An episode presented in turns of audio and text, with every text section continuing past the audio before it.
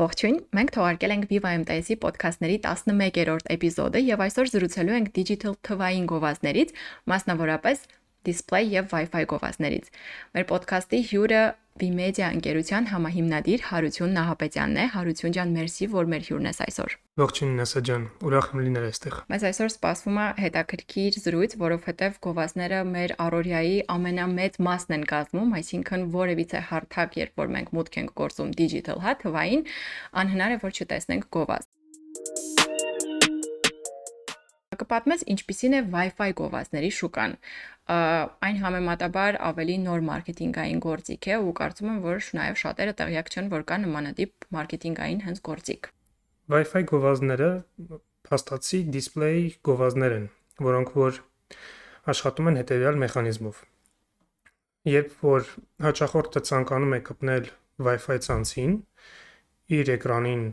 բացվում է մի edge, որտեղ ինքը full screen տեսնում է գովազդային նյութ, որից հետո կարող է դա skip անել եւ շարունակել ինտերնետից օգտվումը եւ փաստացի դա դիսպլեյ գովազդների մի կտոր է։ Ընդհանուր դիսպլեյ գովազդները աշխարհի ամենամեծ շուկան են գովազդային դիջիտալ գովազդների մեջ եւ օրինակ Ամերիկայում կազմում են 161 միլիարդ դոլար արժողությամբ շուկա է։ Wi-Fi-ը ընդհանուր դրա մի մասն է։ Այո, ինքը համեմատաբար ավելի նոր է, բայց արդեն լայն տարածում ունի ամբողջ աշխարհում։ Վստահ եմ, որ մեր ընկերները, եթե ինչ որ аэропорт են եղել եւ այնտեղ կապել են Wi-Fi-ին, ինչ որ edge-ա բացվել, իրանք այնտեղ մուտք են գործել, ինչ որ գովազդ են նայել եւ այլն եւ այլն, Խոսքը դրա մասին է փաստացի։ Ինչպես առաջացավ Vimedia-ն ստեղծելու գաղափարը, հա, ոնց մտածեցիք, որ կարելի է ստեղծել մի լուծում, որը կվերածի հասարակական Wi-Fi-ը գովազդային գործիքի։ Եվ եթե պատմես տեխնիկապես այն ինչ, ինչպես է աշխատում, շատ ավելի լավ կպատկերացնենք մենք բոլորս, թե ինչպես է լինում, որ մենք аэроպորտում կպնում ենք օրինակ, չգիտեմ, Wi-Fi-ի ու մինչև կպնելը տեսնում ենք գովազդ։ Vimedia-ի ստեղծվելը հետաքրքիր պատմություն է իրականում։ Ա, 2015 թվականին մենք աշխատում ենք մի հատ ուրիշ պրոյեկտի վրա, ուրիշ ստարտափի շուրջ, որը որ կոչվում էր Playeroid, ու ինքը փաստացի երկ պատվիրելու application էր, որ դու կարող էիր գնալ ինչ-որ սրճարան, կպնեիր իրենց Wi-Fi ցանցին, բացեիր application-ը, այնտեղ իրենց սրճարանի երթությունը փոխեիր։ Սենց մի հատ գաղափար ունենք, բավականին հետաքրքիր բիզնես էր, որը որ նույնիսկ կիրառություն ունեցել Segafredo սրճարաններում ժամանակին։ Բայց կար խնդրեմ, Wi-Fi այն ժամանակ 2015 թվականին, եթե հիշենք, շատ վատներ, որովհետև մեծամասամբ տեղադրված էր տան օգտագործման Wi-Fi սարքեր, որոնք որ ունեին սահմանափակում, այսինքն 10 եւ ավել մարդ, երբ որ կպնում էր Wi-Fi-ին, այդ ռեստորանի մենեջերը գնում էր ամեն անգամ էր անում այդ Wi-Fi-ը, որ ելի մարդ կապնի եւ այլն։ Ու մեր բիզնեսը դրանից տուժում էր։ Ու առաջի բանը ինչ որ մենք որոշեցինք անել, օքեյ, պետքա Wi-Fi-ը լավացնել։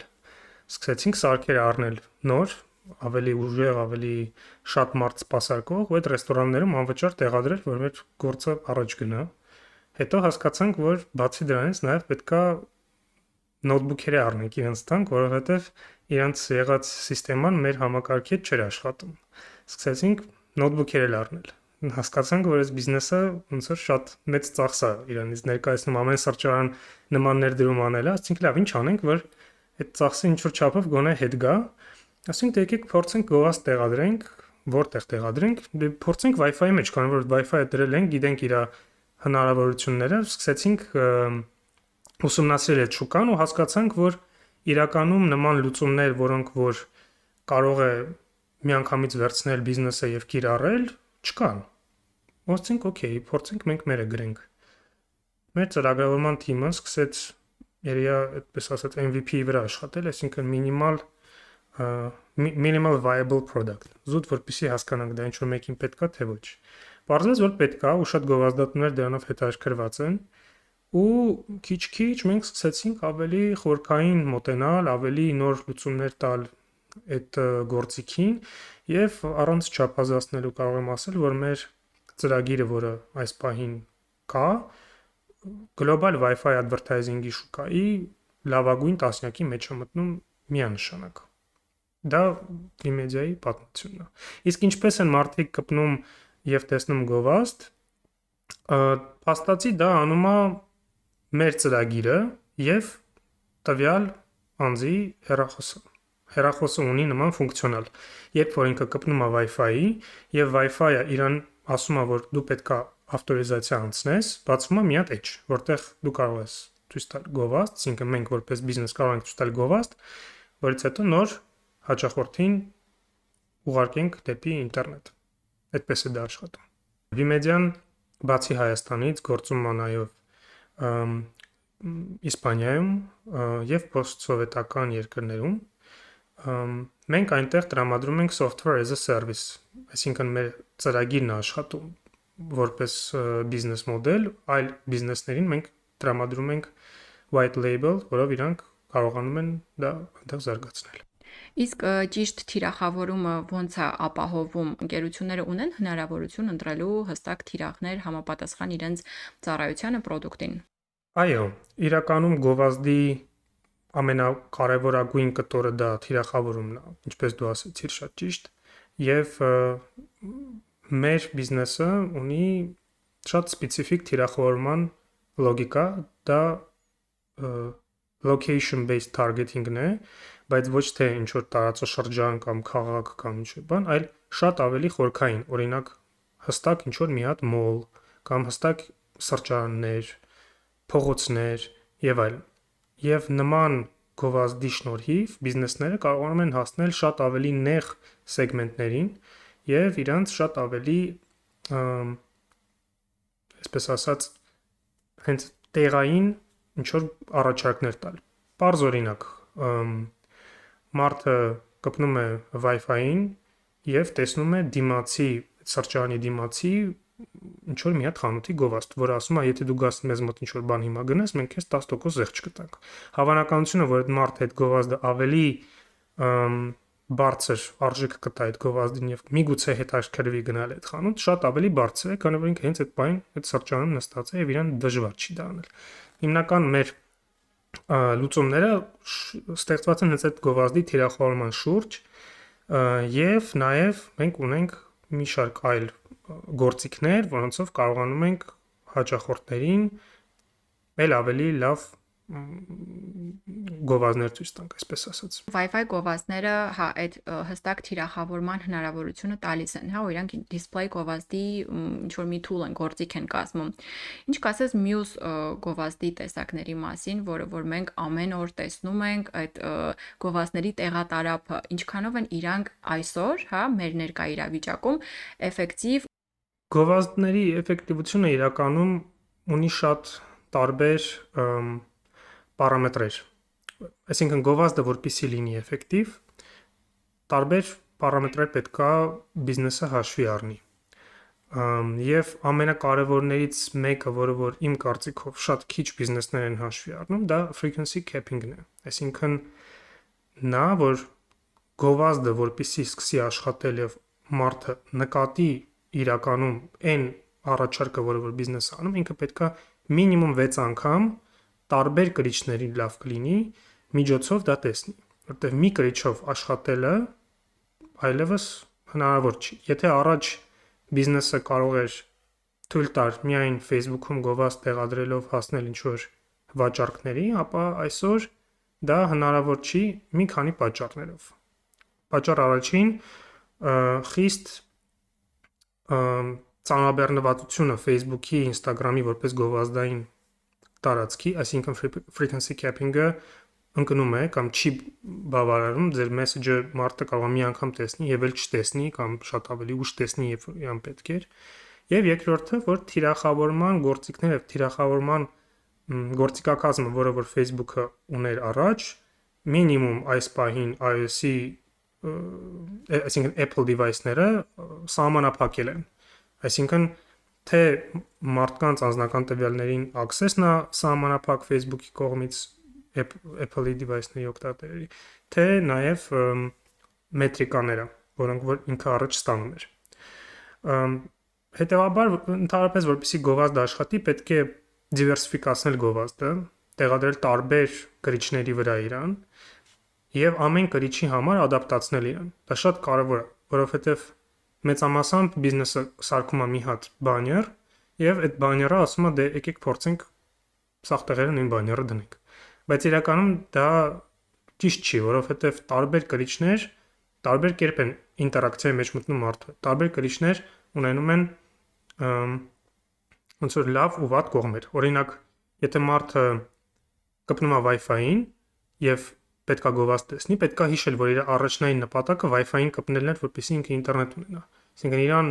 երկար, բարակ ինչ որ բան պատմել կամ այդ պահին իրանից ակնկալել, որ ինքը գնալու է ինչ որ բան առնելու միանգամից եւ այլն եւ այլն, իրատեսական չի։ Այսինքն ավելի կարևոր է այդ պահին այն ուղղակի այդ մեսեջը հասցնել, փորձել իրանից հետ ինչ որ կապ ստանալ, օրինակ հեռախոսի համարը իրանից խնդրել կամ մեյլը խնդրել, որ հետո իր այդ կապը պահպանել դա որպես օրինակ, հա։ Եվ նույնը օրինակ mobile device-ների mobile device-ներով կայքեր մտնելու եւ կայքերում տեղադրած գովազդը, հա, որը որ մեծամասամբ փոքր ոչ ընթերների տեքստերի չափերով ինչ որ գովազդներ ա լինում եւ փաստացի տեսանելիությունը շատ ցածր է իրանց ու դա մեծամասամբ խնդիրը բիզնեսն է, որը որ ուղակի սխալ չափի բանյակներ է տալիս, սխալ ադապտացիա է կատարում եւ որpիսի գովազդը աշխատի, պետք է ամեն կրիչի համար ճիշտ ադապտացվի։ Եթե կարողացա պատասխանեմ քո հարցին։ Գիտես ինչու է այդ հարցը տալիս, որովհետև միջև մեր զրույցը ես ուսումնասիրում էի հենց գովազդային շուկան ու այսօր համաշխարհային գովազդային շուկան կազմում է մոտ 600 միլիարդ դոլար։ Դրանից նույնիսկ ավել եւ ակնկալվում է, որ միջև 2025 թվականը այն կհասնի 1 տրիլիոն դոլարի ու պատահական չի այս թիվը, որովհետև իսկապես մենք բոլոր, հա, հարթակներում, հա, display գովազդները տեսնելով հասկանում ենք ինչ է կատարվում։ Դու ուղղակի scroll down ես անում ցանկացած կայք եւ այնտեղ ուղղակի չես հասցնում տեսնես թե որ գովազդներ քեզ ամենահամապատասխանը։ Այ այս պայմաններում ես նկատի ունեմ ինչպես կարող է ընկերությունը պատվիրատուն ինչ որ ձևով վստահ լինել, որ հասնում է այդ գովազդով իր թիրախին։ Արդյոք սա այն ճիշտ գովազդային գործիքն է, որ իրենք պիտի օգտագործեն, թե կարելի ասել, որ ուղակի գումարի կորուստ է սա համարվում։ Իրականում գովազդի շուկան շատ ծանրաբեռնված է եւ գովազդային գրիչները այսօրվա դրությամբ մեծ գլոբալ խնդրեմ կա գովազդի ընկալման Եթե ամիջ ավելի խորքային նայենք, օրինակ Generation Z-ը վերջի հարցումներով US-ում մոտավորապես 40%-ը ասում է որ մենք խիստ նեգատիվ ենք վերաբերվում գովազդին, ցանկացած տեսակի գովազդին։ Եվ դա նույնիսկ այն level-ի է հասել այնտեղ, որ նույնիսկ ինֆլուենսերների գովազդը արդեն ընկալվում է որպես սպամ։ Վերջերս նույնիսկ TikTok-ում տենց տրենդեր էր հայտնվել, որ անձի ինֆլուենսեր կամպեյններ ենք մենք անում, ու ինչ որ որ գտնում են ինֆլուենսերի, սկսում են իրեն բան անել, ինչ որ վատ բաներ իրան գրել մի խոսքով։ Այսինքն գլոբալ պետք է հասկանալ, որ ընկալումը մարդու գովազդի հանդեպ պետք չի հասկանում ինքը լավ է ընկալում կամ վատ ընկալում։ Գովազդը դա մեսեջը հասցնելու գործիք է։ Ու պետք չի իրանից ակնկալել, որ մարդը դա կսիրի կամ չի սիրի։ Ավելի կարևոր է հասկանալ ինքը էֆեկտիվ հասցնում է մեսեջը տեղ եւ դու կարողանում ես հստակ չափելի արդյունքներ ստանալ դրանից թե ոչ եւ նաեւ իմ կարծիքով պետք է խուսափել գովազդ տեղադրել այն կրիչների վրա, որտեղ քո գովազդը կարող ուղակի լղոզվի եւ անտեսանելի լինի։ Այսինքն եթե կրիչը թույլ է տալի 10 հատ գովազդ մի էջի վրա ունենաս, նույնիսկ եթե դու ամենամեծ կտորը ունես այդտեղից, ինքը մեկա awareness-ի խնդրեմ ունենալու։ Այսինքն մարդը կարող է տեսնի, բայց չհասկանա вообще այդ որ բրենդի գովազդներ, հա, այտենց խնդիր կա։ Հետևաբար բիզնեսը ճիշտ կնի կենտրոնանա կրիչների վրա, որոնք որ հնարավորություն են տալի հստակ չափել տեսանելիությունը։ Այսինքն եւ տեսավ մարդը իմ գովազդը թե ոչ։ Հետո նոր engagement-ը, հետո նոր կլիկ արած CTR-ը, conversion-ը եւ այլն եւ այլն, հա։ Եվ նաեւ կարծում եմ պետք է գովազդների իրար հետ կապելու մեխանիզմները ճիշտ օգտագործվի։ Այսինքն, երբ որ արշավ է արվում գովազդային, չարվի մի կրիչով, հետո այդ կրիչով գովազդը դադարի, հետո մի հատ ուրիշ կրիչով արվի, հետո ինչ որ ժամանակ հետո երրորդով, հետո ասի վայ լավ չաշխատեց մեր գովազդը։ Այսինքն պետք է ինքը ավելի ճիշտ կառուցված լինի։ Ի սկզբանե ճիշտ ստրատեգիա պետք է մշակված լինի իր համար։ Որպես հենց ոլորտի մասնագետ էլ կիսում եմ լրիվ քո կարծիքը դրա հետ կապված, ամենտեղ ներկայանալը ամենալավ լուծումը չի, պետք է հստակ գտնել թե որն է ընկերության կամ տվյալ ապրանքի նպատակը ու ըստ նպատ ու ըստ այդ նպատակի ներկայանալ ու քանի որ դու խոսեցիր ինֆլուենսերների միջոցով գովազդից ինչ կարծիք ունես հենց ինֆլուենսեր մարքեթինգի մասին ո՞նց ես տեսնում դրա աճը ներկայիս պայմաններում ո՞նց ես գնահատում դրա էֆեկտիվությունը շատ լավ հարցամ ես վստահ եմ որ ապագան ինֆլուենսեր մարքեթինգի մեջ է ու ինքը դեռ շատ փոփոխություններ է կրելու, մենք դեռ նոր ենք սկսում հասկանալ, թե ինչ հնարավորություններ է ինքը տալի գլոբալ մարդկությանը եւ ինչքան է սկսում կարևորվել մարդու կողմից ինչ որ մի բանի առաջարկը։ Հիմա եթե մենք դիտարկենք, թե ինչ է կատարվում օրինակ TikTok-ում կամ Instagram-ում, կհասկանանք, որ շատ ռադիկալ փոփոխություններ է տեղի ունենում։ Եթե մարդ առաջ ուներ 1 միլիոն follower, եւ դա իրան ապահովում էր ցանկացած ախմախ content, որ կտարածվի եւ լսարանը կտեսնի եւ ինքը դրանից փող կաշխատի եւ այլն, ապա հիմա դա տենց չի։ Հիմա TikTok-ը իր հերթին նաեւ Instagram-ը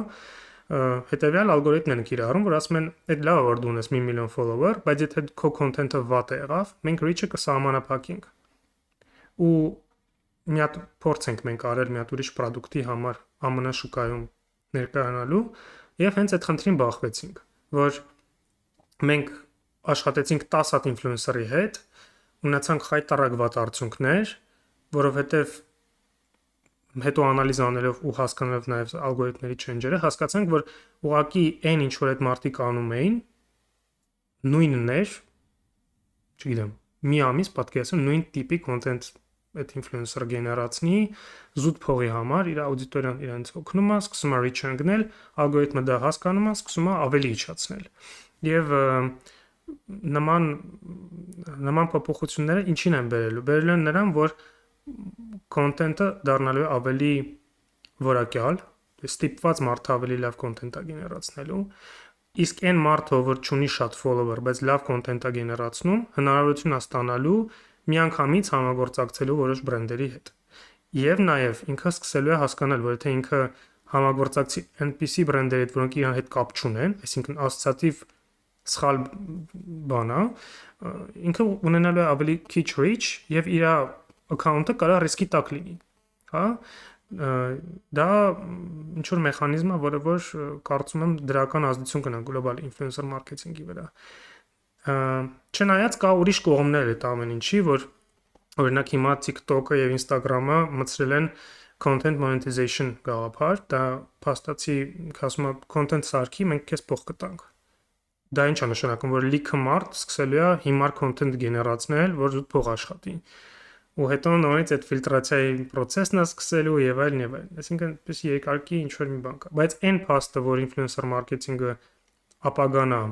գովազդի ինչ որ չափով, ես կարծում եմ, որ դա տենց է։ Պետք չի նաեւ ասել, որ մնացած կրիչները հեռնելու են կամ կիրառելի չեն, չէ։ Շատ էլի կարևոր է։ Նույն ինֆլուենսեր մարքեթինգի ժամանակ պետք չի մտածել, որ մի հատ ինֆլուենսերի հետ աշխատելով դու կարաս product վաճառես կամ նոր սերվիս ծախես։ Դու պետքա ունենաս այդ դիվերսիֆիկացիան։ Իսկ ինչպես չափել գովազդները։ Կարելի է ասել համաշխարհային շուկայում շատ ընկերություններ իրենց հենց գովազդային digital, հա, գովազդների բյուջեի բավականին կլորիկ հատված allocate են արել, հա, տեղափոխել են հենց influencer marketing-ի վրա, բայց ոնց չափել դրա էֆեկտիվությունը։ Կան տարբեր գործիքներ, եթե խոսքը կոնկրետ ինֆլուենսերների ոնց որ արդյունքը չափելու մասին է, ամենապարզը դա ինչ որ unique link-էր տալ եւ իրանցով track անելն է, կամ եթե դա ապրանքի վաճառքն է, բավականին լավ են աշխատում պրոմո կոդերը, բայց ելի պետք է հասկանալ նաեւ գլոբալ vibe-ը, որը որ ստեղծում է ինֆլուենսերը քո կոնկրետ product-ի շուրջ, որտեղ կան բաներ, որ չես կարող չափես։ Կարող է ինֆլուենսերը 0 պրոմո կոդով վաճառք ունեցել, բայց իր ստեղծած կոնտենտի արժեքը ու ռեզոնանսը, որը որ իր լսարանի մեջ այդ կոնտենտը ստեղծել է, դրական իմաստով եմ ասում, շատ բարձր է ու եթե դու մի քիչ էլ օրինակ գովազդով դա վաճառես կամ ինչ որ մի հատ ուրիշ բան անես կունենաս լավ վաճառքներ դրանց то есть это լա պետք կան կան բաներ ինֆլուենսեր մարքեթինգում որ այո անչափելի են կամ միգուցե իրենց չափելը նույնիսկ սխալ է սովորաբար 2-3 մեխանիզմ կա մեխանիզմ համար 1 դա տարբեր B2B ծրագրեր օրինակ Hype Auditor կամ նման ծրագրեր, որոնցով դու կարողանում ես չափել ինֆլուենսերի ցանկացած post-ի տված արդյունքը։ Ինչքան engagement եղավ, ինչքան reach եղավ եւ այլն։ Ուրիշ տարբերակ դա հենց ինֆլուենսերից խնդրել, ասել որ կարաս մի հատ 10 օրինակ քո TikTok-ի այս post-ի insight-ները մենք նայենք ինչա կատարում։ Մյուսը դա UTM լինքերն է, որոնք որ կարան կապվեն արդեն քո եղած համակարգին, որը որ դու օգտագործում ես, եւ նաեւ պրոմո կոդերը։ Դա է ինձ թվում է հիմնականում։ Այսինքն ստացվում է մարդը ավելի հավանական է, որ տեսնելով ինչ-որ մի ինֆլուենսերի կոնտենտ կսեղմի այդ լինքի վրա, քան տեսնելով ինչ-որ դիսպլեյ գովաստ մեր օրերում, որովհետև ինֆլուենսերը գեներացնում է կոնտենտ, իսկ դիսպլեյ գովաստով ինքը ուղղակի տեսնում է տեղատարապ գովազդների, որտեղ չի էլ հասկանում, որ բրենդն է ինչ, որն է իրեն թիրախավորում, հա, այս մասին կխոսես։ Սիրով, ինձ թվում է ինֆլուենսերը շատ լավ միջոց է, որպեսզի դու ներկայացնես քո product-ը ավելի լավ, ավելի པարս։ Ու մարդը պատրաստ է լսի ուրիշ human being-ի, ուրիշ մարդուն ավելի հեշտ է լսում կամ բանյար նայելուն, հա, կամ հենց ուտ վիդեո ինչ որ կոմերցիոն գովաստ։ Բայց դա դեռ չի նշանակում, որ հենց այդ կրիչն է վաճառել քո product-ը։ Հենց դրա մասին է խոսքը։ Այսինքն եթե դու ինֆլուենսերն ասում ես գովազդի իմ ապրանքը, օքեյ, ինքը գովազդեց, բայց եթե դու չես օգնում այդ քո արշավին ուրիշ կրիչներով, այսինքն դու չես օրինակ նույն ժամանակահատվածի համար անում օրինակ Google Ads կամ social կայքերում գովազդ չես տեղադրում, բաներային գովազդ չես տեղադրում այն կայքերում կամ այն կրիչներում, որտեղ այդ մարդը միգուցե մտնում է, դու փաստացի կորցնում ես վաճառք։ Այդպես, որտեղ տեղադրել մենակ մի կրիչով եւ սпасել արդյունքի, թե ինֆլուենսերում, պարագայում, թե ուղակի բաներային գովազդում, այս այսօր ուղակի սխալ է։ Կրիչները պետքա լինեն դիվերսիֆիկացված եւ մարդը պետքա քո առաջարկը լսի տարբեր տեղերից շատ էֆեկտիվ է իմ կարծիքով միաձուլել on-line եւ off-line գովազդները։ Ընդհանրապես off-line գովազդներին մարդիկ սկսել են տենց բան նայել, ոչ այդքան հետաքրքիր տրենդային չի եւ այլն եւ բայց իրականում մեկ off-line գովազդը շատ կարեւոր է ու եթե դու իրան ճիշտ ես անում ինքը եւս շատ լավ աշխատում է Մինչև մեր զրույցը սկսելը խոսեցիր, պատմեցիր YouTube-ի վերջին առաջարկած հա գովազդային լուծման մասին ու նաև ասացիր, որ մարդիկ չեն սիրում գովազդ տեսնել, հատկապես Z generation-ը, հա, բավականին մեծ տոկոս է, 40% կարծեմ, ասեցիր։ Ինչպես է վերաբերվում YouTube-ի վերջերս ներկայացրած գովազդային լուծմանը, որ մարդը եթե TV-ով է նայում, մինչև բուն, հա, նյութը վիդեոն սկսել է, ինքը պետք է նայի 30 վայրկյանանոց գովաստ։ Հա, շատ լավ հարց է։ Իրականում TV-ն փոխվում է, այսինքն ինչպես չի որ մարդիկ այլևս TV չեն նայում, իրանք նայում են մեծ էկրանով ինչ որ բաներ, կարողա չեն նայում կաբելային կամ ինչ որ տենց այսպես ասած դասական հերոստատեսություն, նայում են ինչ որ սերիալներ, նայում են Netflix, նայում են HBO, նաև YouTube։ YouTube-ը շատ մեծ կտոր ունի TV-ի եւ ամեն տարի էքսպոնենցիալ ինքը աճում է։ Եվ իրանք ճունեին գովազդի հատուկ ձև, որpիսի հենց TV դիտող լսարանին առաջարկեն եւ դրա համար ստեղծեցին ու հիմա տեստավորում են ԱՄՆ-ում, ես վստահ չեմ, որ Հայաստանում դեռ դա հասանելի է Իրանք տեստավորում են ԱՄՆ-ում 30 վայրկյան non-skippable գովազդ մեծ էկրանների համար։ Փաստացի ոնց որ կինո ես նայելու, կինո նայելուց գովազդ մտնի, ոնց որ ստանդարտ լինում է։ Իրանք հասկանում են, որ այդտեղ իրանք դոմինանտ են, ունեն բավականին մեծ ուժ եւ պետքա փորձեն հնարավորինս մոնետիզացնել։ Ընդհանրապես 2023 թվականը, եթե մենք դիտարկենք ամբողջ աշխարհում ինչ տրենդեր են տեղի ունենում բիզնեսներում, դա profit-ների ավելացումն է։ Եթե մենք նայենք ինչ է անում Spotify-ը, ինչ անում Netflix-ը, ինչ անում, ինչ անում, չգիտեմ, HBO-ն, Disney Plus-ը եւ մնացած ցանկացած բիզնես, որը որ առաջ ասում էր մենք subscription based business ենք, մենք գովազդ չենք ուզում տեղադրենք, գովազդը մերը չի եւ այլն եւ այլն։ Հիմա իրանք ասում են, չէ, մեզ պետքա փող, cash։ Դրա համար իրանք սկսում են ամեն հնարավոր ձև գովազդ առաջարկել, նույնիսկ Apple-ը սկսել է իր բոլոր անվճար application-ներում, որոնք որ կան, հիմա գովազդներ է տեղադրում։ Այսինքն Apple-ի բիզնեսը 1 միլիարդ դոլարից կոնկրետ գովազդային կտորը 6 է դարել ընդամենը մի տարվա մեջ։ Դա խայտարակ մեծ աճ է, էլի, որպեսի պատկերացնենք։ Ու այո, հիմա այն ինչ որ անվճար է, ավելի խեղդված է լինելու գովազդով։ Ես այդպես եմ կարծում։ Կամ լինելու են ինչ որ մոդելներ, որ ասելով, չգիտեմ, մի քիչ գովազդ նայի, բայց շատ-շատ չէ։ Ասենց ինչ որ մոդելներ կարող է սկսենք իրարել։ Ընդհանրապես, երբ որ մենք քո մյուս հարցին փորձում պատասխանեմ, ցանկացած մարդու հետ դու ասես դու սիրում ես գովազդ, ինքը կասի չէ, չեմ սիրում գովազդ։ Կամ եք ասի դե հա, այն, չգիտեմ, այն BMW-ի գովազդը լավն էր, կամ այն Coca-Cola-ի գովազդը լավն էր։ Բայց պետք է հասկանալ, որ գովազդի նպատակը Եվ էությունը նրանում չի, որ ինքը պետքա մարդկանց դուր գա։ Գովազդի նպատակն է, որ ճիշտ մարդուն, ճիշտ պահին, ճիշտ կրիչով դու հասցնես ինչ-որ մեսեջ, որը իր ուղեղում կսկսի զարգանալ։ Դա է ամբողջ գովազդի իմաստը, դա է իմ կարծիքով։ Եվ նույնիսկ եթե Generation Z-ը իմ ասում է մենք չենք սիրում գովազդ, մենք չենք ուզում որևէ գովազդ դիտել, դա դեռ չի նշանակում, որ իրանք պատրաստ չեն վճարել նույն օրինակի համար Netflix-ի ոչ թե subscription based, այլ ad subscription based գովազդի, որ մի քիչ ավելի էժան է փաստացի Netflix-ը դառնում գովազդ նայելով, իրանք դրանից շատ լավ օգտվում են։ Բայց դու երբևէ դարձել ես գովազդի զոհ։ Այո, իհարկե։ Գովազդը ինձ թվում է այնպեսի բանա, որ ճիշտ գովազդը ինքը հաստատ աշխատում է։ Ուղղակի պետքա գովազդին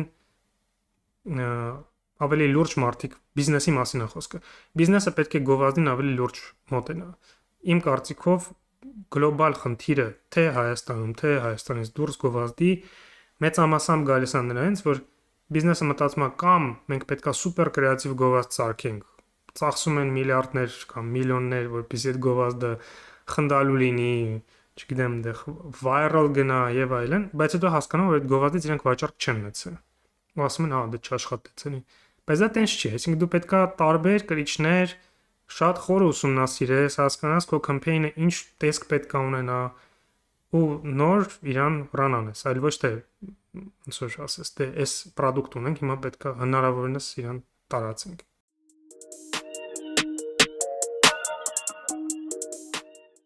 մի հատ բան եմ ուզում այսօր կարդացել եմ ուզում եմ կիսվեմ կարող մեր ունկնդիրներն հետաքրքիր լինի